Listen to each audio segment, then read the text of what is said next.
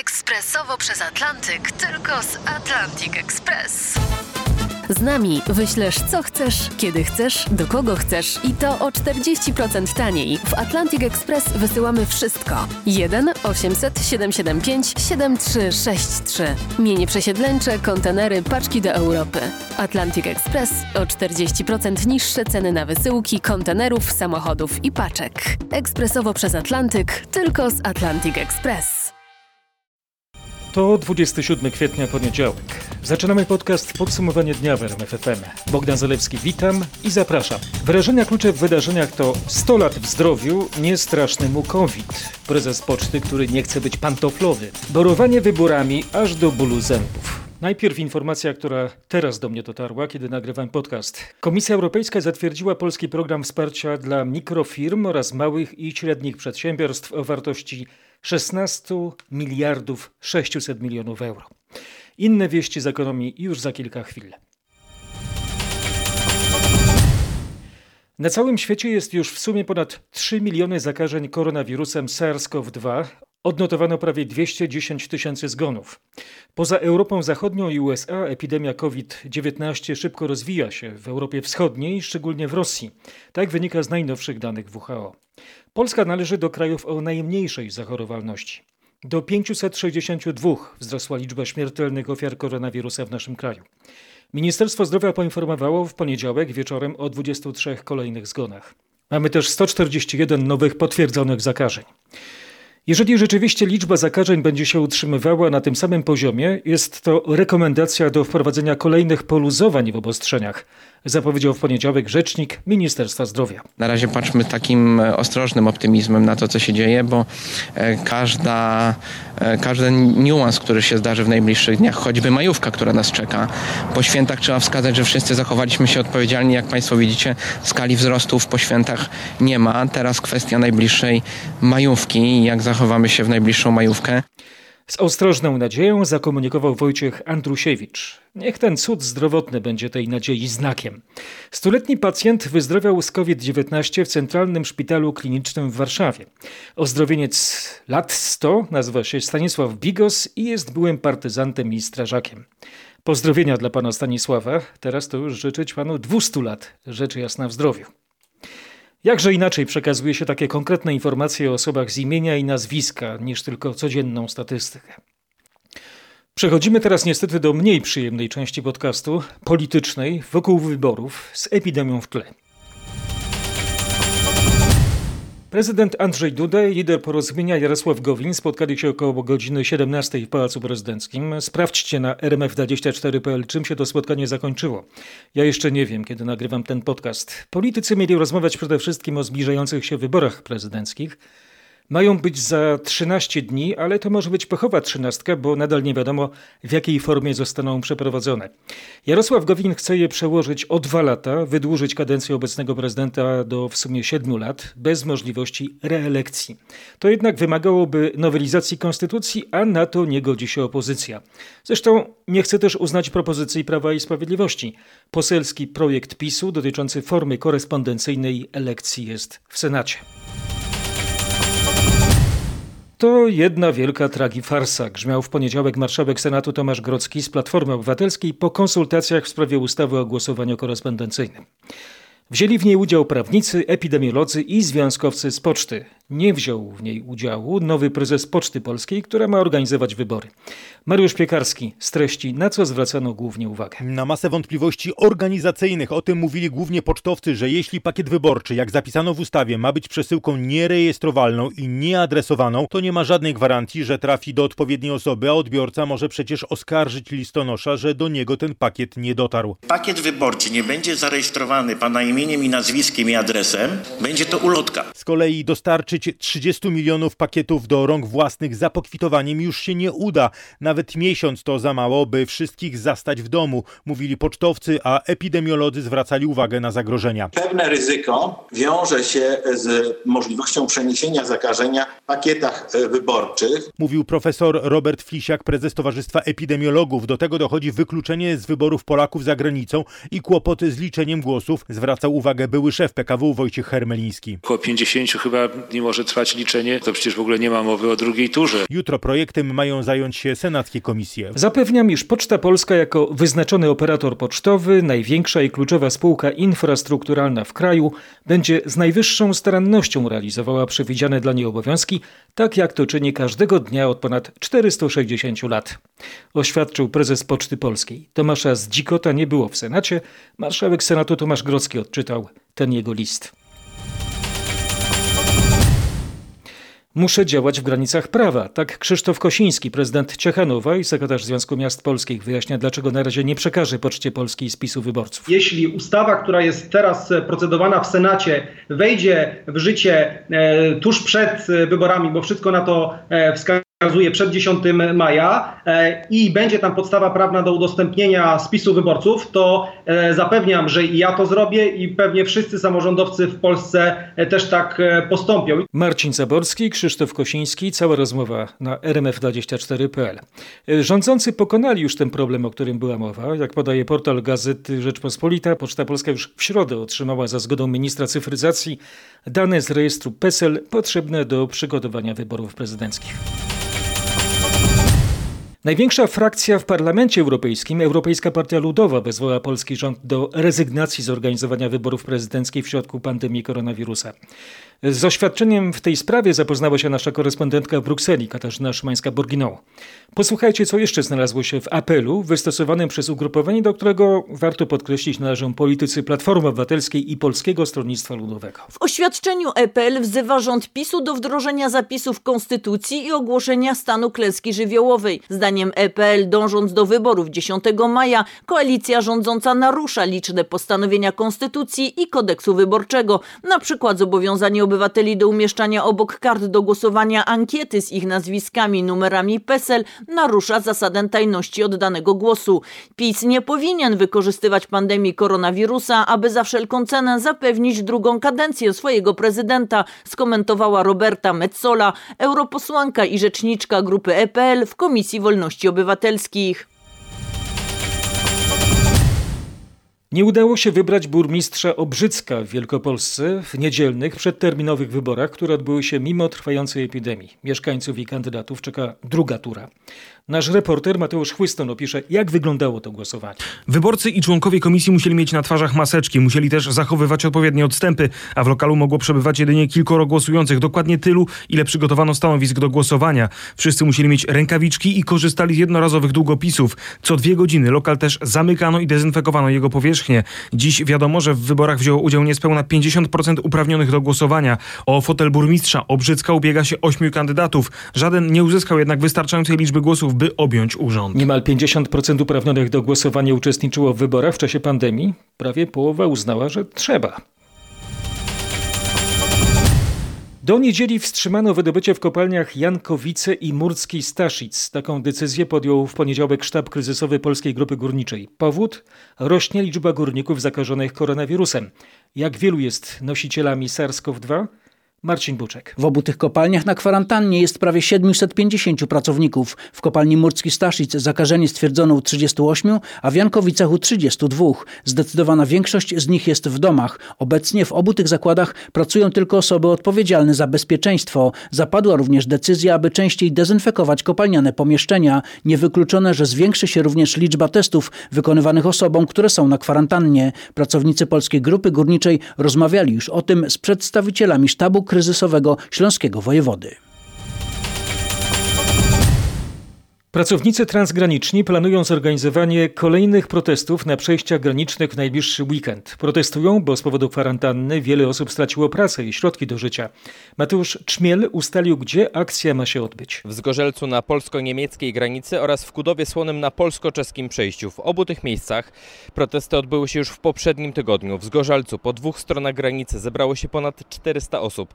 W dużej mierze to pracownicy transgraniczni, którzy domagają się zniesienia obowiązkowych 14-dniowej kwarantanny. Nasz rząd nam po prostu nie zapewnia nawet żadnego bytu, nie mamy żadnej tarczy, nie chroni nas y, pod żadnym pozorem, no nie mamy nic kompletnie, tak jak będzie jeszcze trochę, to nie będziemy mieli na chleb. Wolne granice! Wolne granice! Wolne granice!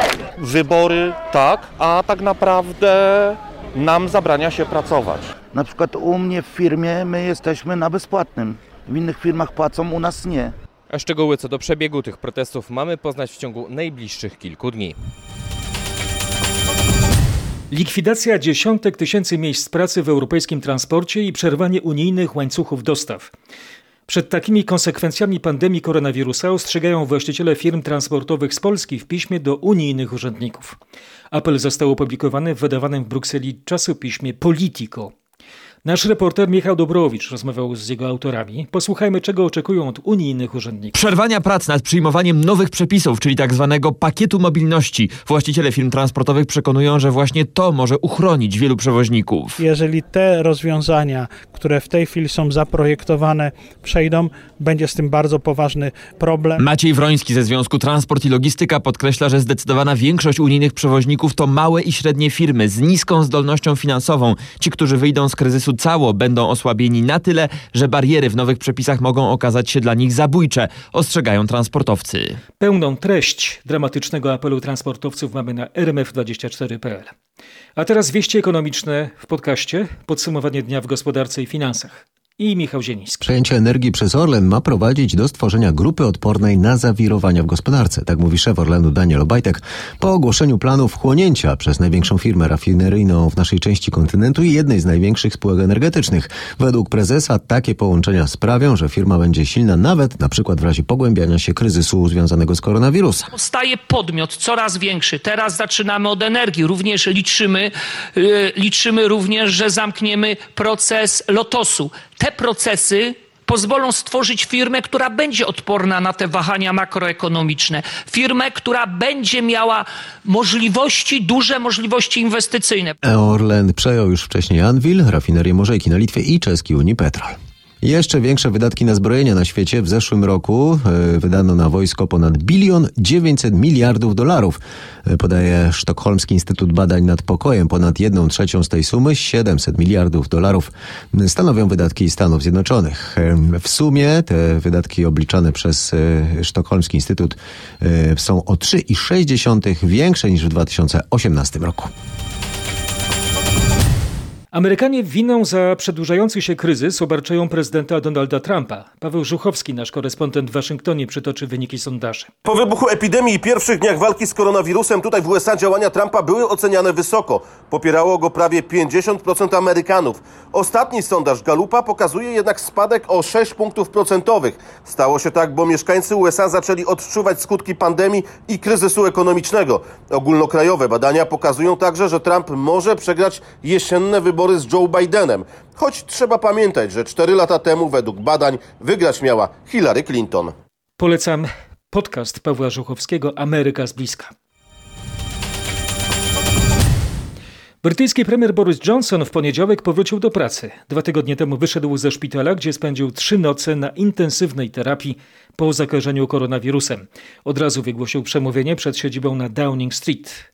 Ten speech streści nasz korespondent w Londynie Bogdan Fermorgan. Premier podziękował szefowi dyplomacji Dominikowi Rabowi za zastąpienie go podczas nieobecności, a także wszystkim Brytyjczykom za budującą postawę wobec, jak to określił, największego wyzwania od zakończenia II wojny światowej. Boris Johnson jednocześnie zapewnił, że to nie pora na łagodzenie obostrzeń. Taka decyzja podjęta za wcześnie mogłaby doprowadzić do ponownego wzrostu liczby zakażeń koronawirusem. Musielibyśmy wówczas znowu znowu włączyć hamulec, co spowodowałoby jeszcze większe szkody, podkreślił brytyjski premier. Jak zapewnił, przyszłe decyzje podejmowane będą przy ścisłej współpracy z naukowcami i w porozumieniu z parlamentarną opozycją. Rosyjskie media spekulują, kto może być następcą Kim Jong-una. Według niepotwierdzonych doniesień północno-koreański dyktator ma bardzo poważne problemy zdrowotne. Niektóre media piszą nawet, że jest w stanie wegetatywnym po nieudanej operacji serca. Mówiło się, że może go zastąpić siostra, ale rosyjskie źródła, jak podaje nasz korespondent Przemysław Marzec, wskazują też na inną osobę. O kim mowa? Wskazuje się na bezpośredniego potomka Kim Il-sena, pierwszego dyktatora Korei Północnej. Chodzi o jednego z członków rodu, który był ambasadorem w Polsce i w Czechach. Jak twierdzi Konstantin Asmołow z Rosyjskiej Akademii Nauk, to możliwy wariant zamiany. Według informacji rosyjskich, dyktator Korei Północnej znajduje się teraz w stanie śmierci klinicznej. Nie potrafi mu pomóc zespół lekarzy wysłanych z tego powodu z Chin. Józef Stalin niszczy rosyjską cerkiew prawosławną, nawet po śmierci. Po raz pierwszy z jej błogosławieństwem w świątyni pojawił się straszliwy prześladowca chrześcijan, pisze dziennik Wiadomości, komentując mozaikę z wizerunkiem Stalina w cerkwi pod Moskwą.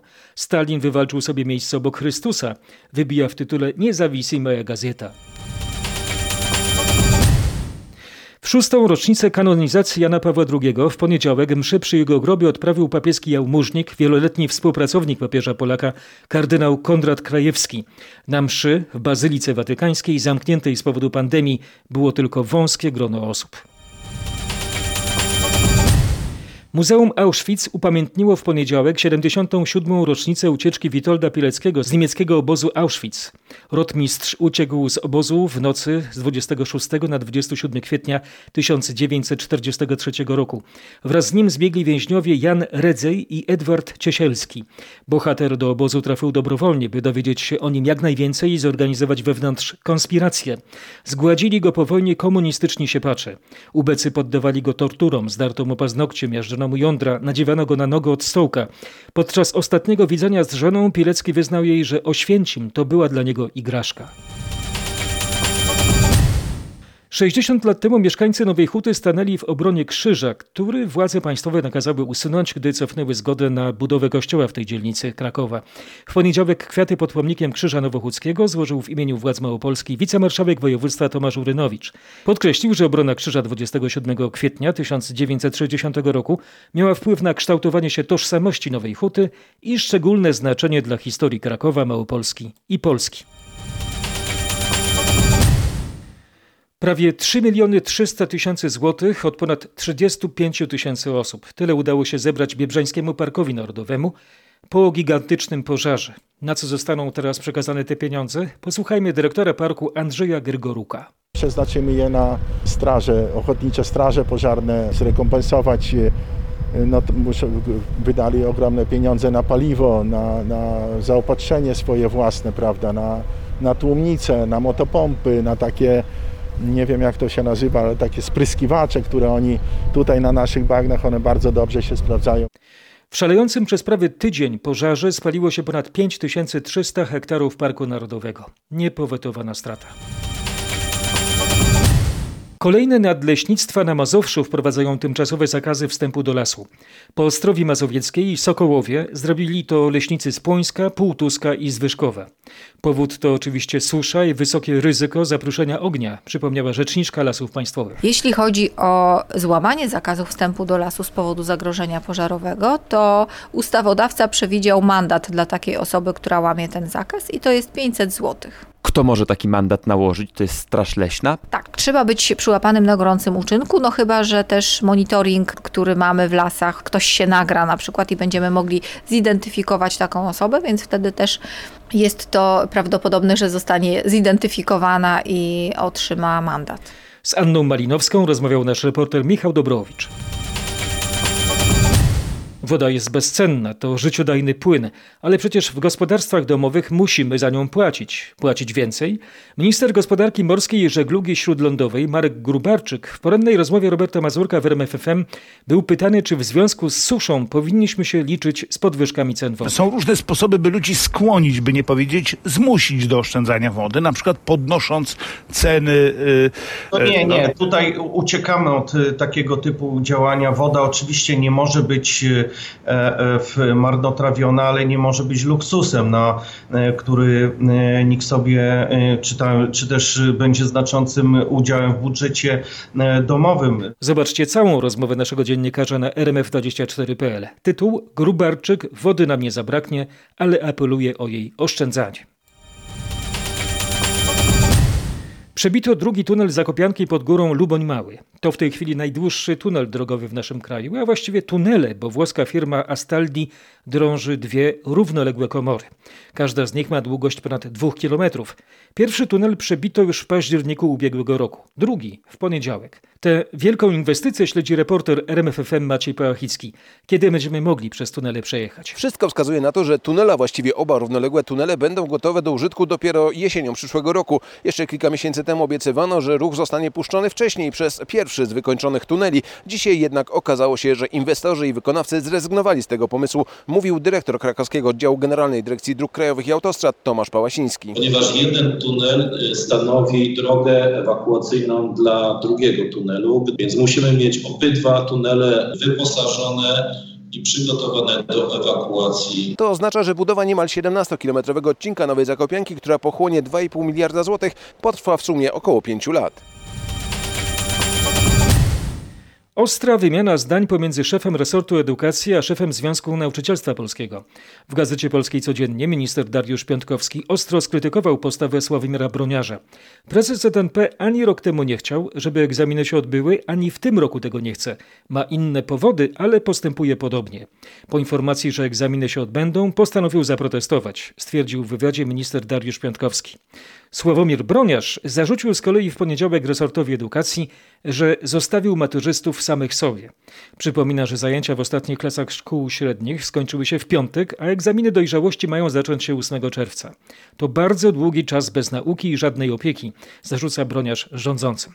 Nasz dziennikarz Grzegorz Kwolek wyjaśni, o co chodzi szefowi ZNP. Ministerstwo Edukacji, choć przełożyło matury na czerwiec, nie wydłużyło roku szkolnego. Teraz apeluje do dyrektorów i nauczycieli o organizowanie powtórek. Możemy liczyć tylko i wyłącznie na, na nauczycieli, na dyrektorów, na ich poczucie e, odpowiedzialności i faktu, że nie zostawią tych młodych ludzi samym sobie. Komentuje Sławomir Broniarz. Były dyrektor jednego z najlepszych liceów w Warszawie, Wiesław Włodarski, zwraca uwagę na problemy, jakie mieli z nauką uczniowie podczas pandemii. No jest jeden komputer na całą rodzinę, jakoś się trzeba y, podzielić. Według ekspertów nawet kilkanaście procent uczniów mogło w ogóle nie brać udziału w nauce zdalnej. Nowe rozdanie w piłkarskiej ekstraklasie. Rozgrywki mają wrócić pod koniec maja, ale układ sił w tabeli może znacząco się zmienić. Paweł Pawłowski z redakcji sportowej wyjaśni nam, kto zyska na przerwie spowodowanej pandemią. Te zespoły, które zmobilizowały zawodników do utrzymania jak najściślejszego reżimu treningowego. Dyspozycja zawodników, a w konsekwencji klubów może być nieco inna. No, wszystko będzie zależało, kto jak realizował wymiar pracy w tym okresie przerwy, jak również dużo czasu będziemy mieli na przygotowania do tego startu, jak ten czas każdy z klubów spożytkuje. Ocenia trener przygotowania motorycznego piłkarzy Lecha Poznań Karol Kikut, który dodaje, że ważna może być też motywacja finansowa, bo przecież w dobie pandemii kluby musiały obniżać piłkarzom wynagrodzenia. Kwestia Mistrzostwa Polski wciąż nie jest jasna. Do rozegrania jest 11 kolejek, a lider Legia Warszawa ma 8 punktów przewagi nad drugim Piastem Gliwice.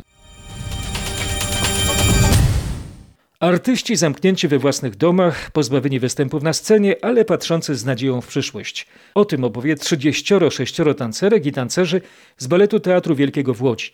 W środę z okazji Międzynarodowego Dnia Tańca będzie można zobaczyć hashtag Separated Life, wirtualny spektakl baletowy w choreografii Grzegorza Broszka. Opowiada on o, o, naszym, o naszym życiu, w jakiej sytuacji obecnie się wszyscy znajdujemy, a, a w szczególności o, o tancerzach. Cała choreografia przez wszystkich tancerzy była wykonywana w domu bądź gdzieś w jakichś takich przestrzeniach bardzo ograniczonych. Może i momentami być ona minimalistyczna i czasami nawet przechodzi w, w teatr tańca, ale tutaj raczej chodzi bardziej o, o przekazanie tych emocji, jak my wszyscy się czujemy w tym, co nas teraz otacza i jak odnajdujemy się w tej całej sytuacji. Premierę hashtag Separated Life zaplanowano online na profilu Facebook oraz kanale YouTube Teatru Wielkiego w Łodzi. Środa 18.00. A we wtorek posłuchajmy, co mamy na wirtualnych deskach. Repertuar na dzień 28 kwietnia ma Katarzyna Sobiechowska-Szuchta z redakcji kulturalnej RMFFM. Opera Śląska w Bytomiu jutro pokaże spektakl online. To będzie Don Carlos Giuseppe Verdiego, którego akcja rozgrywa się w Hiszpanii w XVI wieku. Teatr Żydowski w Warszawie też przygotował e-repertuar na ten tydzień. Jutro pokaże premierę online spektaklu Rejwach. Adaptacji opowiadań Mikołaja Genberga w reżyserii Andrzeja Krakowskiego. Rejwach to książka nominowana do Nagrody Literackiej Nike w 2018 roku. Jest to porażający zbiór miniatur, małych opowiadań, w których bohaterowie mierzą się z przeszłością swojej rodziny. Opowiadał kierownik literacki teatru Remigiusz Grzela. W ramach akcji Nie wychodź z domu, zobacz się w teatrze. Teatr Osterwy w Lublinie przygotowuje kolejny pokaz online swojego spektaklu. Tym razem będzie to przedstawienie osadzone w atmosferze dusznej rosyjskiej prowincji z surrealistycznym klimatem jak ze snu. Trzy siostry Antoniego Czechowa, transmisja pojutrze. Pojutrze, czyli w środę, a co już słychać w wielkim świecie? Słynny londyński National Theatre przygotował na najbliższe dni wiele atrakcji z udziałem wielkich gwiazd. Kogo zobaczymy? Benedict Cumberbatch wystąpi w spektaklu Frankenstein. To przedstawienie w reżyserii laureata Oscara Danego Boyla, twórcy filmów Trainspotting czy Slumdog Milioner z ulicy. Co ciekawe, to spektakl w dwóch wersjach. W jednej Cumberbatch wciela się w rolę doktora Frankensteina, a Johnny Lee Miller w rolę jego stworzenia, a w drugiej artyści zamieniają się rolami. Można to zobaczyć w czwartek i w piątek za darmo. Przedstawienie będzie dostępne w sieci przez tydzień od premiery. To część akcji National Theatre at Home. W przyszłym tygodniu internetowy debiut Antoniusza i Kleopatry. Po sztuce teatralnej czas na sztuki plastyczne. Museum Tate Modern w Londynie ma propozycję dla fanów pop artu. To wystawa online, której bohaterem jest sam Andy Warhol. Kuratorzy, jak sprawdziła nasza dziennikarka Katarzyna Sobiechowska-Szuchta, wirtualnie oprowadzają widzów. Londyńska wystawa miała być jedną z najważniejszych w tym sezonie, ale tuż po wernisażu została zamknięta i musiała przenieść się do internetu. Można zobaczyć m.in. najbardziej znane prace wykonane przez artystę, portrety gwiazd i krótkie filmy. To i słynne obrazy Marilyn Monroe i Elvisa Presleya, ale też puszki, coli czy zupy. Kuratorzy zapraszają do wszystkich 12 sal Tate Modern ze sztuką Warhola i jego biografią od urodzin w 1928 roku po śmierć w wieku 58 lat. Odmaluję teraz poniedziałek w serii Grafiach. Oto kronika wypadków na świecie, jak w Warholowskim cyklu.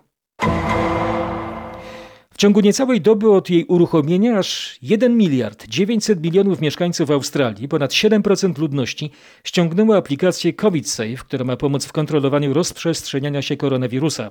Aplikacja ma służyć do rejestracji kontaktów użytkowników. Zdrowie znaczy kontrola. Tysiące uczniów w Pekinie, Szanghaju i prowincji Guangdong na południu Chin wróciły w poniedziałek do szkół średnich po trzymiesięcznej przerwie spowodowanej epidemią koronawirusa. W placówkach obowiązują nadzwyczajne środki ostrożności. Chiny same są ofiarą, a nie sprawcą dezinformacji dotyczącej koronawirusa. Oświadczył w poniedziałek rzecznik chińskiego MSZ-u pytany w Pekinie o raport Unii Europejskiej, w którym Chińczykom zarzucono rozsiewanie dezinformacji. Kwestia ta jeszcze pogorszyła już złe relacje na linii Waszyngton-Pekin.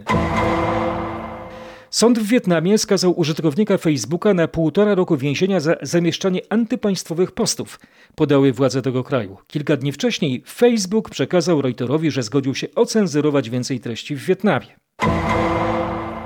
Prefekt podparyskiego departamentu Sekwona Saint-Denis obawia się zamieszek głodowych z powodu zagrożenia żywnościowego dla najuboższych ludzi, w tym zamieszkanym głównie przez imigrantów i ich potomków departamencie. W Hiszpanii jest już 9 milionów osób, które nie pracują. To 40% czynnej zawodowo ludności, poinformował dziennik El Mundo. Do tej grupy zaliczają się zarówno zarejestrowani bezrobotni, jak i osoby, które straciły zajęcie wskutek epidemii. Na Ukrainie rolnicy protestują i wzywają do otwarcia targowisk. Rolnicy skarżą się, że z powodu koronawirusowych ograniczeń stracili rynek zbytu, ich produkty szybko się psują, a ceny raptownie spadają. O otwarcie placów targowych zaapelował mer Lwowa. W poniedziałek zaczęły funkcjonować w Czechach wybrane firmy i sklepy o powierzchni do 2500 m2. Obowiązują surowe przepisy higieniczne. Produkcję rozpoczęła Skoda, której brakuje 2,5 tysiąca pracowników z Polski. Takiej sytuacji w 155-letniej historii wrocławskiego zoo jeszcze nie było. Z powodu pandemii ogród został zamknięty dla zwiedzających. Wcześniej przerwy związane były jedynie z działaniami wojennymi. Dlatego dyrekcja zachęca do zakupu biletu na przyszłość. Dzięki temu zoo nie straci płynności finansowej, apeluje dyrektor zoo Stanisław Ratajszczak. Nie chcemy wyciągać po prostu ręki. Mamy na razie tyle środków, żeby przez najbliższy miesiąc czy dwa przetrwać. Natomiast wprowadzamy nową usługę dla Państwa. To bilet na przyszłość. Bilet na przyszłość dla Was i dla nas. Wprowadzamy sprzedaż biletów, których ważność będzie jeden rok. Można je będzie kupić przez internet, to będą vouchery i po przyjściu do zoo na tej podstawie będą Państwo wchodzić w ciągu najbliższego roku. Nie chcemy niczego za darmo, ale pomoc jest nam teraz naprawdę bardzo, bardzo potrzebna. W zoo we Wrocławiu żyje około 12 tysięcy zwierząt. Kot zatrzasnął właściciela i jego znajomego na balkonie bloku na jednym z bielskich osiedli. Zwierzę wskoczyło na parapet i oparło się o klamkę drzwi, gdy panowie wyszli się przewietrzyć. Z matni uwolnili ich strażacy. Kot, kot, kot, pani matko, kot, kot, narobił mi na balkonie łoskot. W Piotrkowie Trybunalskim na skwerach i ulicach pojawiły się tajemnicze drewniane budki. Władze miasta wyjaśniły, że są to hotele dla owadów, które mają zachęcić je do żerowania w zieleni i zapalania roślin, a tym samym wspierania całego ekosystemu. Naukowcy opracowali kompleksową mapę geologiczną powierzchni Księżyca, przydatną m.in. dla przyszłej eksploracji naturalnego satelity Ziemi i podczas typowania miejsc dla misji badawczych. Mapa została udostępniona publicznie, poinformowali naukowcy z USA. Różnie można spoglądać na Księżyc. Młodopolski poeta Wacław Rolicz-Lider tak ujrzał srebrny glob. Księżyc duży jak źrenica, zroszona kroplą atropiny. Dla mnie to bardzo niezwykłe skojarzenie. Jutro też będziemy mieć oko na świat. Bogdan Zarewski, dziękuję za uwagę.